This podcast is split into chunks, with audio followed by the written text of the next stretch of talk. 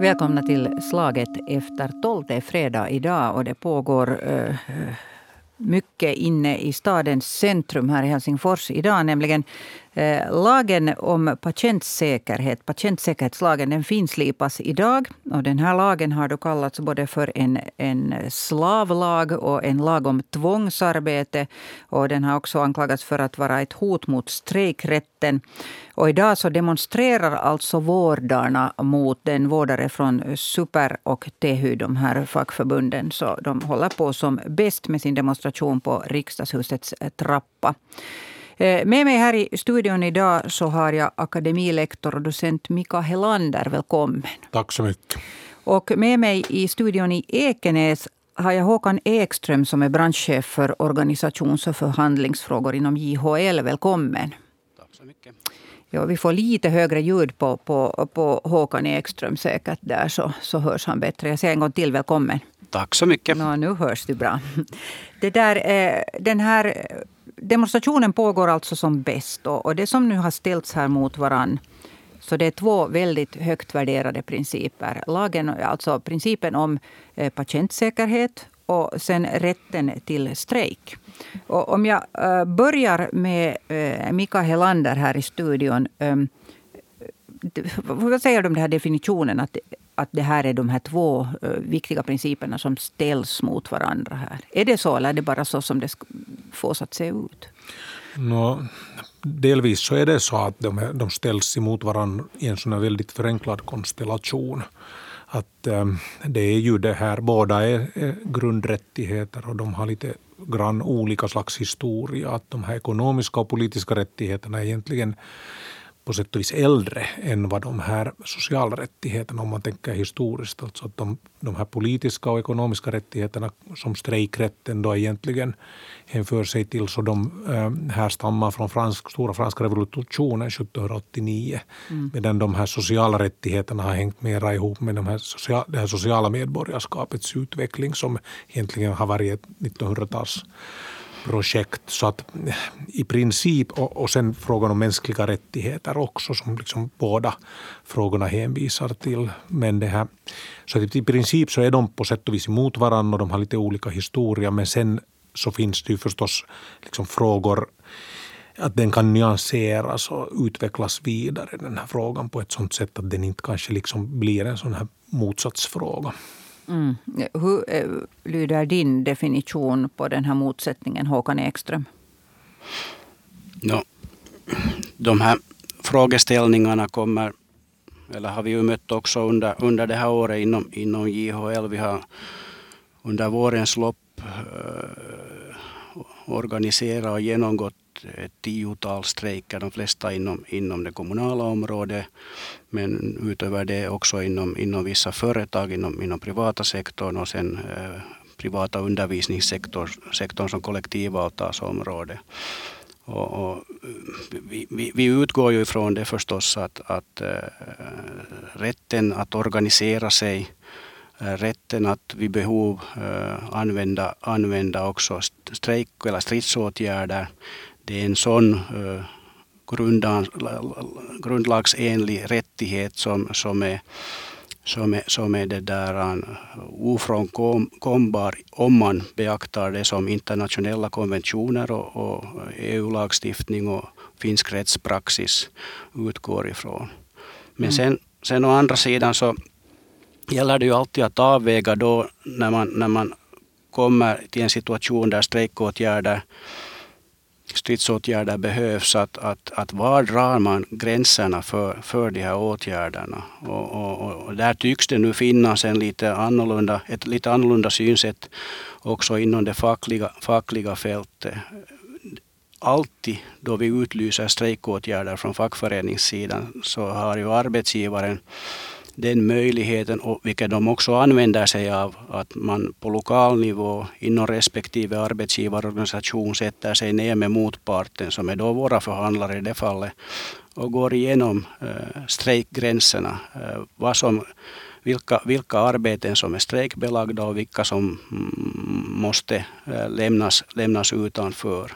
Och det, här är, det här är ett vanligt, ett, ett ordinärt sätt att agera i sådana här situationer och det har vi liksom inom vårt fackförbund i alla fall gått in för att, att, att eh, det är det sättet som, som vi går vidare i de här frågeställningarna. Sen kan vi ju vara eh, oeniga på lokal nivå att var de exakt ska dras, de här, de här gränserna. Men, men vi har utgått inom, inom JHL ifrån det också nu under, under 20, år, år 22 då vi har organiserat strejkåtgärder att, att då det gäller liv och hälsa, då det gäller stora ekonomiska äh, risker med, med strejkåtaganden som de brukar vi i allmänhet också självmant äh, lämna utanför äh, de organisationsåtgärder som, som i övrigt företas. Har jag en, en liten klander här i, mellan raderna nu? Att du menar att, att Super och Tehy inte har fört den här sortens förhandling? Ja, eller ja, gått med i en sån? Helt klart verkar mm. det så som om att, att de skulle ha ett annat sätt att, avvä att avväga den, den här balansgången än, än, än det sätt som jag refererar just som gäller då, då JHL. Mm. Men, men, men faktum är ju det att, att arbetsgivarna i allmänhet försöker komma till en situation där, där man lämnar så mycket som möjligt av verksamheten och arbetsuppgifterna utanför strejkåtgärden. Det är ju i arbetsgivarens intresse i sådana här situationer så att, så att äh, åverkan eller, eller ska vi säga betydelsen av strejkåtgärderna skulle vara så begränsade som möjligt. Och, och de diskussionerna så, så de hör ju till, till normala, normala eh, konfliktsituationer där man går igenom de här frågorna sen med arbetsgivarna. Som sagt, alltid är vi inte överens med arbetsgivaren och det hör också spelet till. Mm. Mikael Helander? No, ja, alltså jag tycker att här finns en, just om vi utgår från de här grundprinciperna, en krånglig sammanblandning av liksom den här marknadsprincipen av strejkrätt som betyder att ingen behöver jobba av ett tvång. Att det är liksom en kontraktuell situation. Om inte man har avtal så då kan man liksom ställa in produktionen och stoppa och så säga att man, man, att man inte jobbar. Och samtidigt så finns det den här aspekten av att trygga liv och eh, och det här hälsa, den typens frågor som är såna här grundmedborgerliga rättigheter som då regeringen nu måste uppfylla. Och det här är liksom då problematiskt att om man ska försöka stipulera kring sånt här i de här strejkgränserna. Att det är i och för sig enligt gällande situation så är det ju förstås uppgiften för de här parterna att komma överens om sånt men som samhällsprincip så är det ju problematiskt. Och därför så är den här föreslagna lagen nu om säkerhet egentligen, som man skulle kunna säga, fel, fel släkt. Att den går in i att ingripa i den här arbetsmarknadsmekanismen. Den här strejkrätten, när egentligen den här eh, patientsäkerhetsfrågan borde lösas med hjälp av annan typ av lagstiftning. Och I motsvarande situationer inom andra fält så har vi ju då en värnpliktslag och en civiltjänstgöringslag som ser till att människor ska uppfylla en samhällelig plikt och att man kan rikta människor då till sådana uppgifter. Och så har vi den här beredskapslagen också som har en punkt kring social och hälsovårdstjänster och, och som då har diskuterats tidigare i samband med coronapandemin, att ska man ta den i bruk vad gäller just att rikta sjukskötare in på jobb och så här. Och det här är ju THUs ordförande också då tagit ställning till att vissa punkter kan man gå med på, andra inte. Så att de skulle vara liksom de rätta sätten att försöka lösa. Och nu, det här är ju liksom dålig lagstiftning att man går in. Jag vet inte, du kanske tänkte ta upp det här mm. som en annan tematik ja. senare, men att man går in och och stipulerar kring en sån här arbetsmarknadsfråga och en specifik särskild arbetsstrid, en, en strejk med lagstiftning. Mm. Eh, vad är din tolkning Håkan Ekström, eller hur vill du kommentera det som Mikael Helander just sa?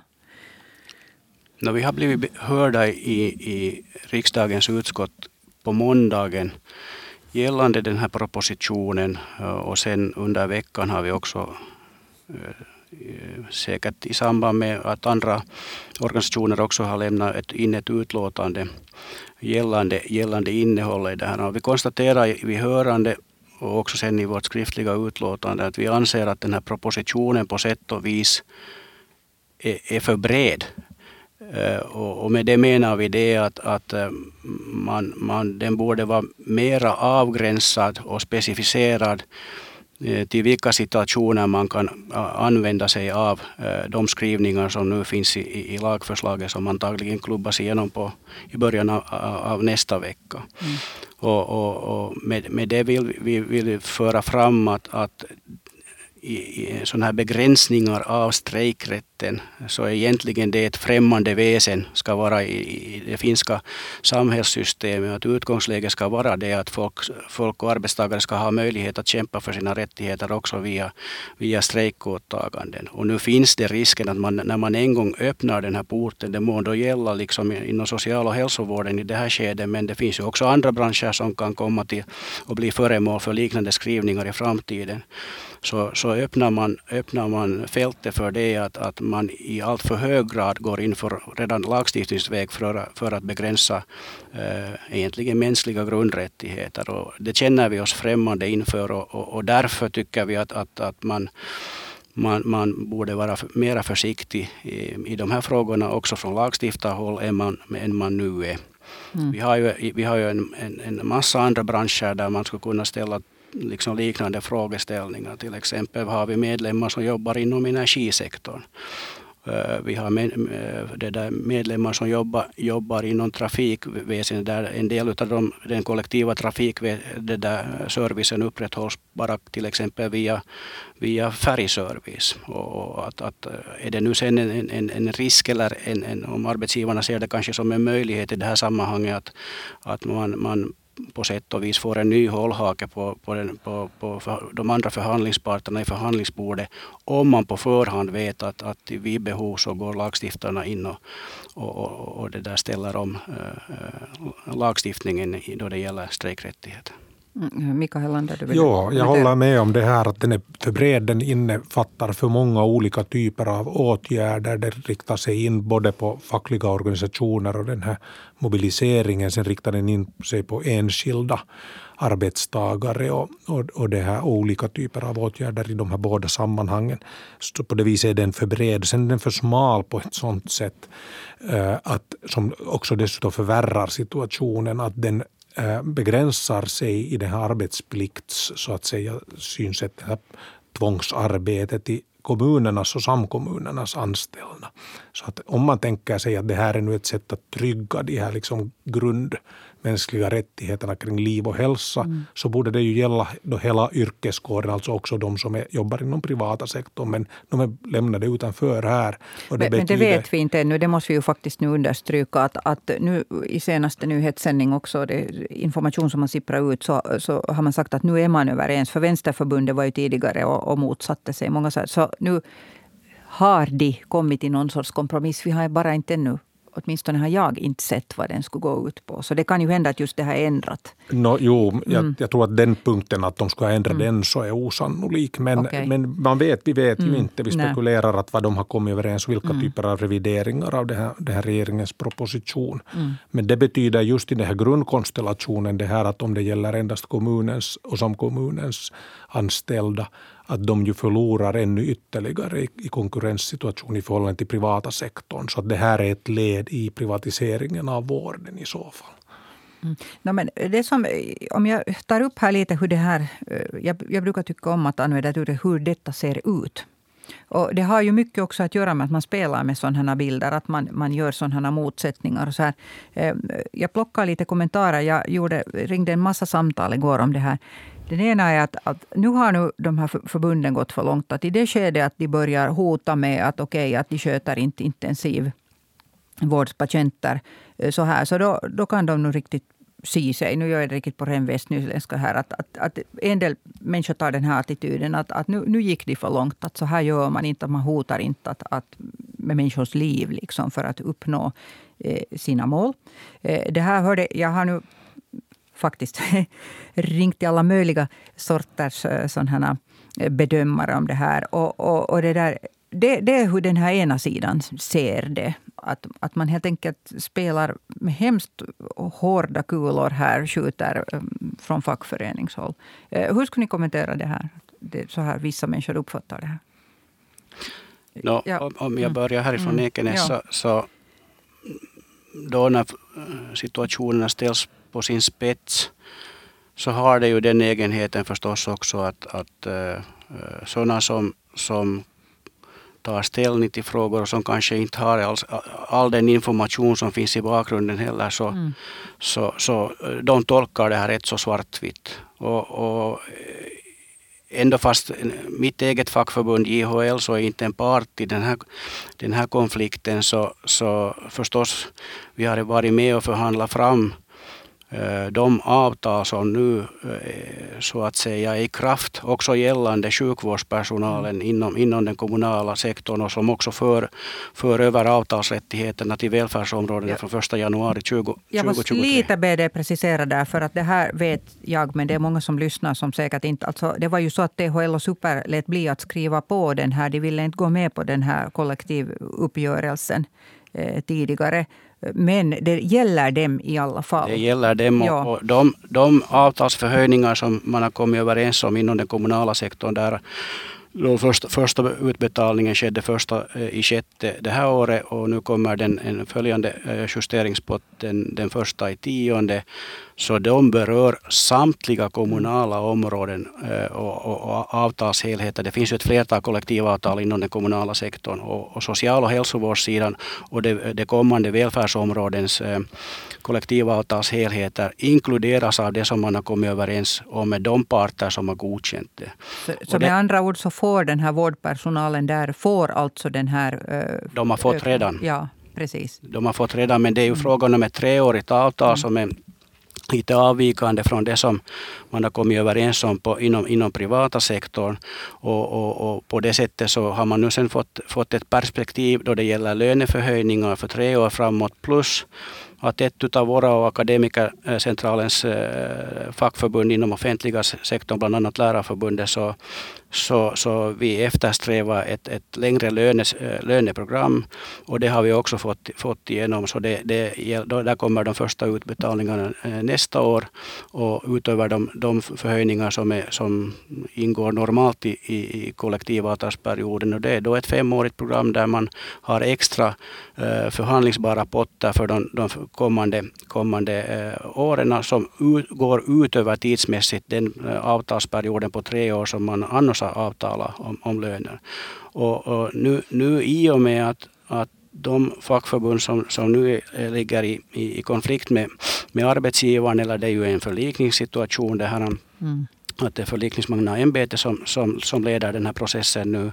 Så, så, så nu har de då den situationen att när de inte har omfattat eh, de här kollektivavtalsförändringarna så har, de, har, har det inte uppkommit en så kallad arbetsfredsförpliktelse. Så de har egentligen, äh, egentligen rätt att via stridsåtgärder också, också det där, försöka äh, eh, komma till äh, Eh, till det där bättre skrivningar om de, om de så vill. Eh, de får, har en rättighet eh, att strejka också för, för det där högre, högre det där löne, löneuppgörelser. Men faktum är det att, att, att deras medlemmar redan nu har kommit, kommit liksom till åtnjutande av de bestämmelser som de andra facken har gjort för hela den kommunala sektorn. Mm. Ja, det där var en, en sällsynt bra eh, bakgrund till det här för dem som inte har följt. För det, det är precis som du sa här tidigare, att jag tror att en massa människor har hemskt starka åsikter om det här, hela soppan. Men de, de, de kanske inte riktigt ändå har bekantat sig med hela bakgrunden. Men eh, Mika Helander, vad, hur, hur, vill du kommentera de här eh, hårda um, uttalandena om de här fackföreningarna, THU och Super? No, alltså, mm. Sådana här uttalanden kommer alltid från, på sätt och vis från marginalen eller från sidan av. Och så som Håkan hänvisar här så har man inte riktigt inblick i vad som händer där tekniskt i förhandlingarna och liksom mm. vilka specifika stridsfrågor finns det. Och vi har att liksom förlita oss på det som vi ser i offentligheten och de här uttalandena är ganska liksom hårda då i offentligheten. Att det är till exempel på arbetsgivarens ansvar att ordna det här arbetet. Att det, det här, se till att det finns eh, skyddsarbete sen eller att de här verksamheterna kan fortsätta och så. Så att det, det är liksom såna ganska kategoriska påståenden som finns sen i offentligheten. Men det samtidigt så som samhällsvetare och, och tidigare statsvetare så funderar man ju nog på det annal, den annalkande, annalkande riksdagsvalet som vi har nästa vår. Och 2007 var vi lite i motsvarande situation. Och då var det, Föregående gång när det var jo, samma strejk, personal som strejkade. Mm. Och eh, det var ju liksom en strategisk aspekt kring det här att vem som kommer att få då regeringsansvar, vem vinner valet. Och, så, och nu så ser jag ju nog att det, vissa att det finns liksom en möjlighet, det är opportunt läge för vissa partier att göra kampanj på det här och sen blir man och funderar att är det, kan det gå andra vägen också. För senast så var det ju sen förstås en av fackbaserna blev ju invald för Samlingspartiet i riksdagen och, och så är Jana Laitinen Pesola som mm. var då ordförande för Tehy och, och det här att det var liksom, man blir och funderar att finns det någon slags strategi eller någon som ritar liksom sådana här större taktikgrejer någonstans i bakgrunden att man utnyttjar så att säga en personalkategori, en yrkesgrupp i samhället i en sån här liksom, val och maktkamp.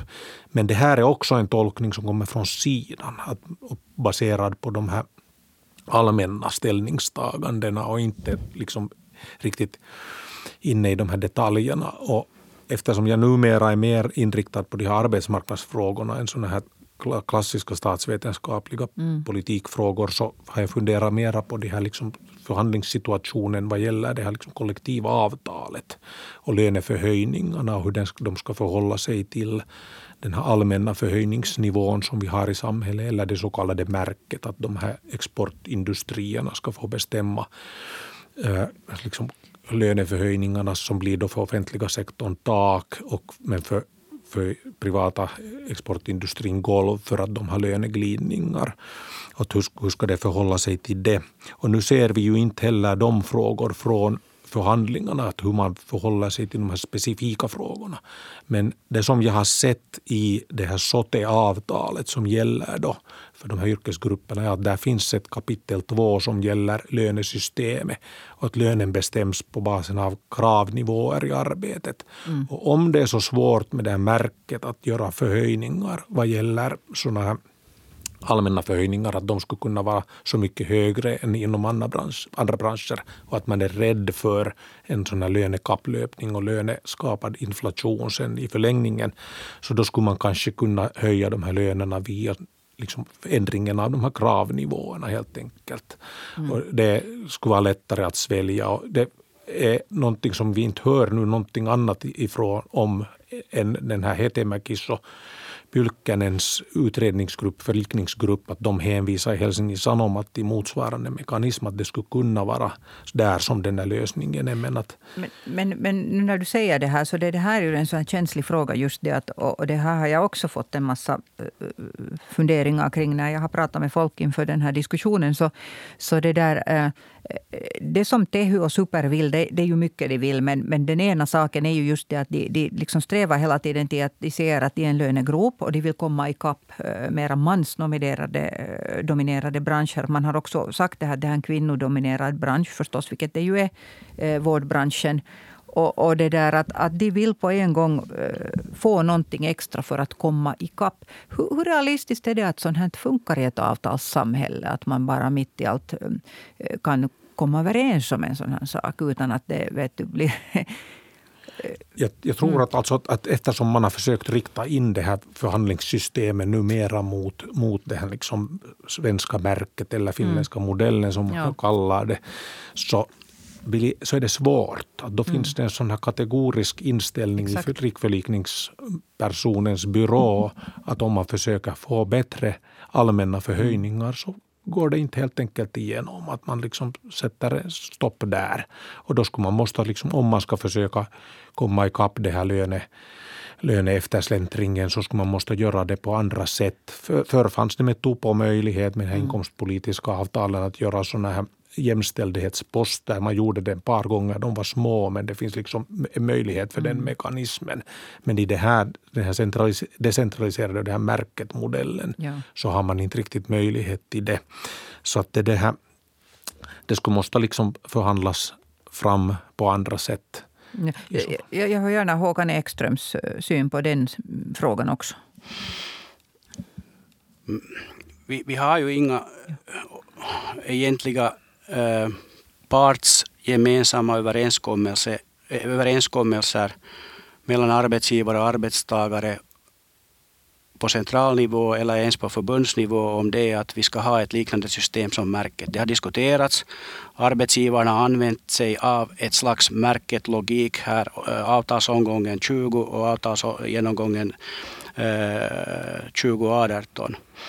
Men det har mera, i praktiken har det bildats, bildats under de omgångarna ett, ett löneförhöjningstak där arbetsgivarna nog i offentligheten förespråkar det att branschvisa behov och utgångslägen eh, för, för löneförhöjningar ska beaktas. Men sen när, när, när det har kommit till kritan så har de sett till att, att samtliga branscher ändå har kört så att säga till samma löneförhöjningsnisch.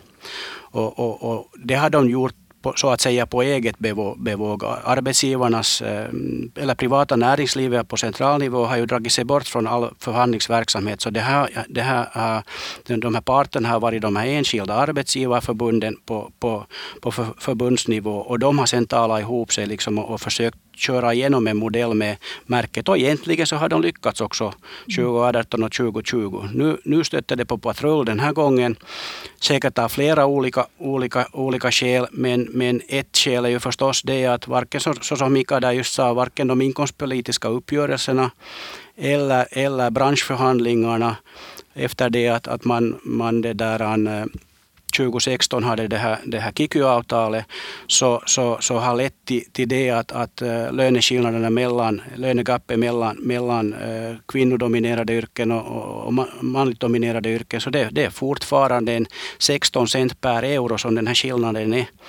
Och, och då när man, när man liksom har den här faciten i ryggen så, så då, då bör man hitta andra, andra lösningar det kommunala avtalet som jag just refererade till, som, som är alltså tre år, på, på tre år, så där har vi 23 och 24 kommit överens om en sån skrivning som också sen har, har skapat, skapat tandgnissel bland arbetsgivare och en del andra fackförbund också. Att den, inom den kommunala sektorn så har man allmänna förhöjningar nästa år och, och, och 2024 som är 1,9 procent. Men om vissa referensavtalsområden, till exempel inom industrisektorn eller, eller eh, transportsektorn, avtalar om bättre uppgörelser än det, så får man en extra kompensation som så att säga inte förstorar lönegapet mellan de här branscherna utan håller, håller nivån, nivån på, på det där, en, en, att man får en skälig nivå eh, på, på löneförhöjningarna så att man också kan göra någonting så att säga till den löneproblematik som vi de facto har in, bland annat mm. inom den offentliga sektorn men också inom den privata, privata servicesektorn som inte så att säga behandlas i, i, i den frågan som gäller kommunala avtal. Jag, jag, jag, förstår vad du säger och det blir, det blir hemskt tekniskt det här men jag, om jag nu går till dig som, som... Jag förstår att det är svårt ibland också att säga sin kanske personliga åsikt men om, om, om de här eh, för det mesta kvinnorna som finns i den här lönegruppen, du sa 16 cent per euro ner. Eh, hur skulle du som fackligt, eh, alltså expert på organisations och förhandlingsfrågor, eh, hur skulle du bedöma det här? Alltså är, det, är det helt möjligt att bara på något sätt få igenom det så att de andra fackförbunden skulle vara nöjda med det? Att man säger att okej, okay, att de här har förtjänat det, låt dem få mera. Alltså, kan du ge ett kort svar på den frågan? Det skulle jag gärna. Jag, jag tror att det inte blir aktuellt att, att ha sådana enskilda lösningar där man bara beaktar eh, någon viss yrkesgrupp. Det kanske inte blir aktuellt, men vad tycker du? Skulle det behöva? Skulle du gå med på det? Eh, det finns, det finns I det sammanhanget så finns det säkert flera olika branschområden som kommer, kommer att komma till föremål för, för diskussion. Då det gäller sjukhusen Ta bort städningen därifrån. Ta bort cateringen därifrån. Ta bort den tekniska tekniska expertisen som upprätthåller fast röntgenapparaters funktioner. Vad har vi för sjukhus kvar efter det? Man måste se på helheter, man måste se liksom, liksom på hela servicekedjan, också inom den offentliga sektorn och utöver, utifrån det sen ta ställning till det att, att vad är behoven för bland annat löneutveckling. Det som landar i skymundan då det gäller social och hälsovården är här det att vi har orimligt för lite utbildad, ut, utbildad, som utbildar utbildas till de här branscherna. Och det har varit den här situationen många, många mm. tiotals år redan. Det går inte att reparera väldigt, väldigt snabbt. Så där alltså så ser jag, ser jag att man behöver liksom ha en helhetssyn på det här och, och söka gemensamma, gemensamma uh, de, lösningar ur, ur, den synvinkeln istället för att bara, bara liksom rikta in sig på någon detalj som ändå fallererar om man granskar uh, den mm. totala serviceproduktionen, i det här fallet social och hälsovård. Det blev ett ganska, inte ett riktigt kort svar det där. Men att, jag gjorde ett gott försök. Ja, du gjorde ett gott försök, men att, att någon personlig åsikt där fick jag. Jag, jag vill se framför mig, jag är en väldigt konkret och praktisk person i det mesta jag, jag gör. Och jag vill se framför mig ett långt bord där man diskuterar det här och där, där alla skulle säga att ja, de är i en lönegrop, de här vårdar kvinnorna. Jag, jag förstod allt vad du sa om, om sjukhus och allt det här, hela som hör dit. Men att nu anser vi alla att de här ska få mer än resten. Att det, den dagen tror jag inte heller att jag kommer att se. Men det där kanske Mikael Helander har en annan uppfattning? No, alltså mm. Lars Kalmfors som är professor i arbetsmarknadsekonomi i Sverige, han har analyserat det här märket och konstaterat mm. att det finns stora problem just vad gäller allokering av arbetskraft mellan olika sektorer bland annat och så att när, det, det här, när man inte kan konkurrera om lönerna. Mm. Det är inte attraktiva utbildningsplatser för ungdomar heller om Nej. de vet och om de sen ännu kan räkna med att de hamnar ut för tvångsarbete sen i förlängningen. Jag, tror att, jag tror att hela den här det, konflikten kommer ju inte att fungera som Nej. någon lockelse till branschen precis. Alltså, för det, det är ganska fula anklagelser nu från alla håll och kanter.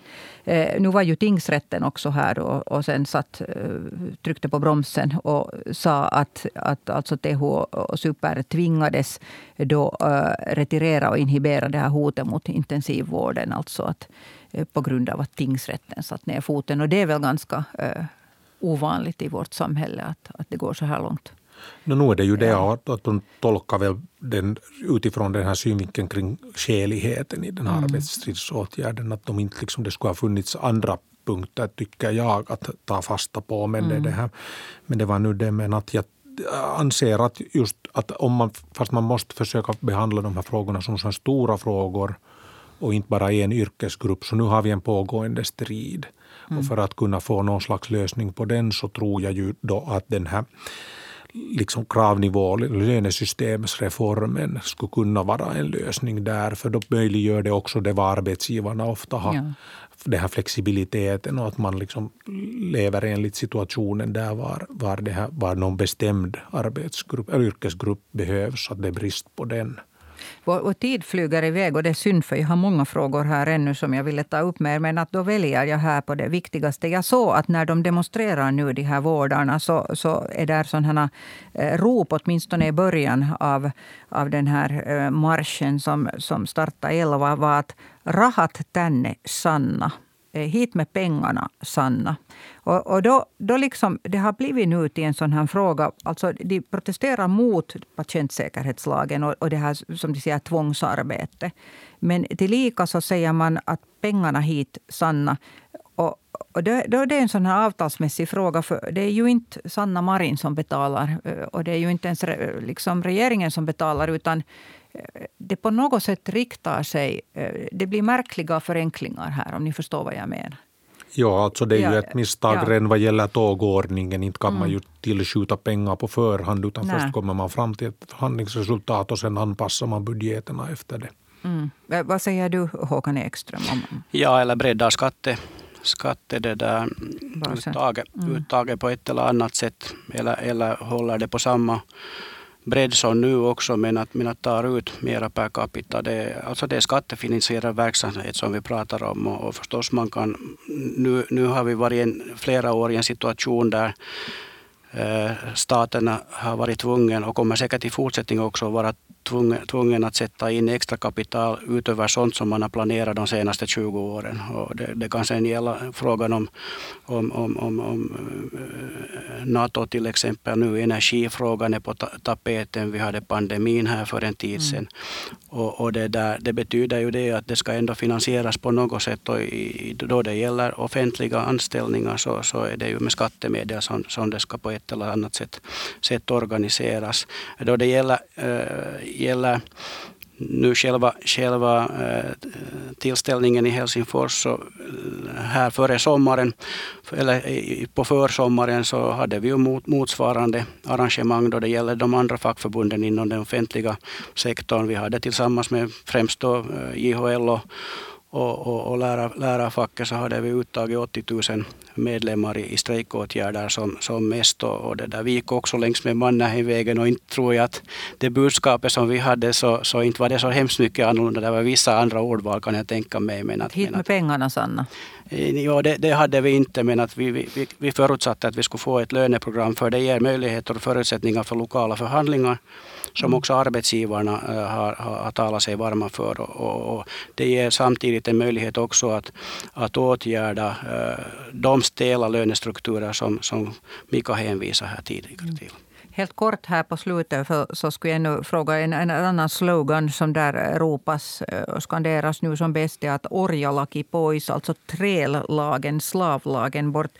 Eh, jag undrar om ni kan ge korta svar på det. Eh, vi var inne på det alldeles här i början men finns det alls... Det är ju klart att det är tillspetsat och det här med pack och tvångsarbete och så här men, men finns det någon liksom, hur ska vi säga, orsak till den kritiken. Trälag, att man använder ett så starkt uttryck. Jag börjar Mika Helander. Jag, jag tycker att det finns, för att det här är ju nu att man som utser en slags mm. värnplikt för en yrkesgrupp och mm. dessutom via den här arbetsmarknadsmekanismen som är felaktig. Att man borde ju då försöka lösa den här typens frågor om det är allmän liksom, samhällsbehov av sådana här livsviktiga mm. funktioner som kan vara då energi och kollektivtrafik som Henrik äh, Håkan förlåt, mm. hänvisar till så borde man ju gå andra vägen då och ha det som någon form för liksom civiltjänstgöring för alla yrkesgrupper vid, i nödfall. Mm. Uh, ja, vad, vad, säger du Håkan Ekström? Mm. Vad no. tänker du om det här? Jag vet inte hur det funkar eh, annat än att det orsakar ju förstås rubriker. Mm, rubriker man det. borde gjuta olja på de här vågorna på något sätt och, och liksom få, få liksom kontroll på, på, på, på den här ordliga växelverkan som nu pågår här. Att det, det här är frågor som sist, i sista hand kan bara lösas förhandlingsvägen i förhandlingsbordet. Borde och, och, och, därför ska man inte kanske liksom allt för mycket liksom använda utropstecken och stora, stora fonter då man presenterar sina egna, egna åsikter. Vi har kritiserat det här lagförslaget, som jag sa, vi tycker mm. att det är för brett, ger för omfattande möjligheter att vida utöver det som är nu frågan om begränsa eh, anställdas och våra medlemmars rättigheter till strejkåtgärder och, och det motsätter vi oss. Mm. Okej, här eh, så börjar vår tid rinna ut i sanden här för den här diskussionen. Det är alltså en, en demonstration för dig som just knäppte på radioapparaten. En demonstration pågår i Helsingfors. På Riksdagshusets trappa befinner sig just nu då vårdare som, som protesterar mot patientsäkerhetslagen som då är en form av, av skyddsarbete som ska stiftas om där. Och eh, de på säger då att det kommer att bryta det strejkrätten och eh, kallar det också då för tvångsarbete. Och det är det som vi har diskuterat här idag om hur det här samhället egentligen eller hur vi då kan lösa den här konflikten. Det som många nu gissar på är faktiskt att riksförlikaren nu på grund av den här uppstådda situationen och de här utropstecknen och, och alla de här konflikterna säkert kommer igen med en ny, eh, ett nytt förslag till lösning som kanske rent av går igenom. det, det var bara en gissning. Eh, mitt namn är Bettina Sågbom. Med mig här i studion idag har jag haft H, uh, har jag, nej, det har jag inte alls. Mika Helander har varit i studion med mig, akademilektor och docent. Och i studion i Ekenäs Håkan Ekström som är branschchef för organisations och förhandlingsfrågor inom JHL. Det är fredag idag så jag önskar er alla ett riktigt skönt veckoslut. På måndag hör ni rådet här på eh, den här tiden, alltså på slaget efter tolv tid. Ha ett riktigt skönt veckoslut.